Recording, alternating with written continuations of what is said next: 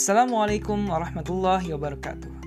Selamat datang kembali di podcast Dare to be Hafiz.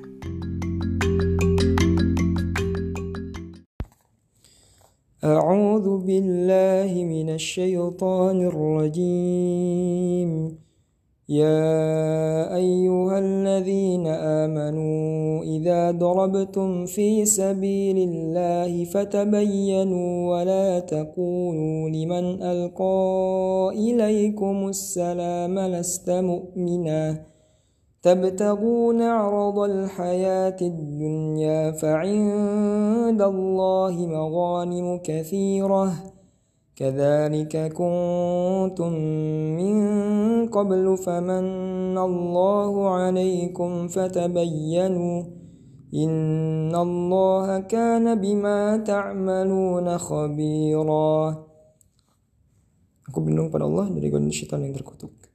Wahai orang-orang yang beriman, apabila kamu pergi berperang di jalan Allah, maka telitilah, carilah keterangan, dan janganlah kamu mengatakan kepada orang yang mengucapkan salam kepadamu, kamu bukan seorang yang beriman.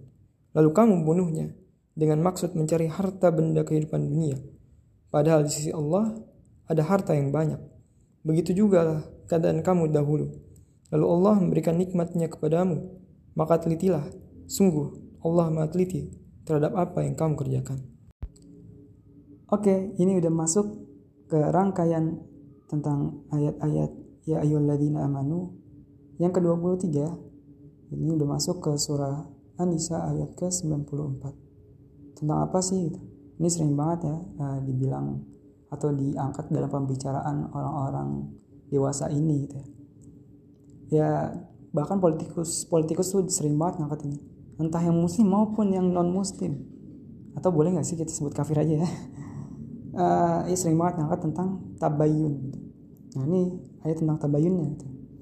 kalau misalnya teman-teman uh, perhatikan jadi uh, meski di sini kelihatan konteksnya tabayun dalam peperangan ya teliti terhadap orang-orang yang dia itu mengatakan salam atau mengatakan la ilaha la ilaha illallah gitu tapi uh, akhirnya masih tetap dibunuh gitu. itu kan ada ceritanya ya cerita tentang sahabat yang akhirnya masih apa ya ketika ada musuh yang udah bilang kayak gitu gitu ya dia mengucapkan kalimat syahadat atau dia mengucapkan kalimat la ilaha illallah gitu ya itu nggak dipercaya karena emang karena ketakutannya aja.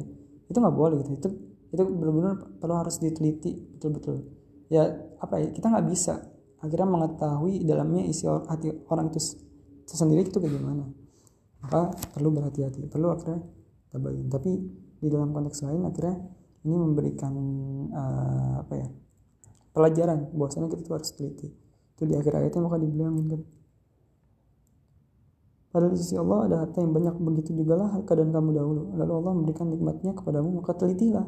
Maka telitilah. Jadi penting di sini ada poin telitilah. Karena sungguh Allah maha teliti terhadap apa yang kamu kerjakan.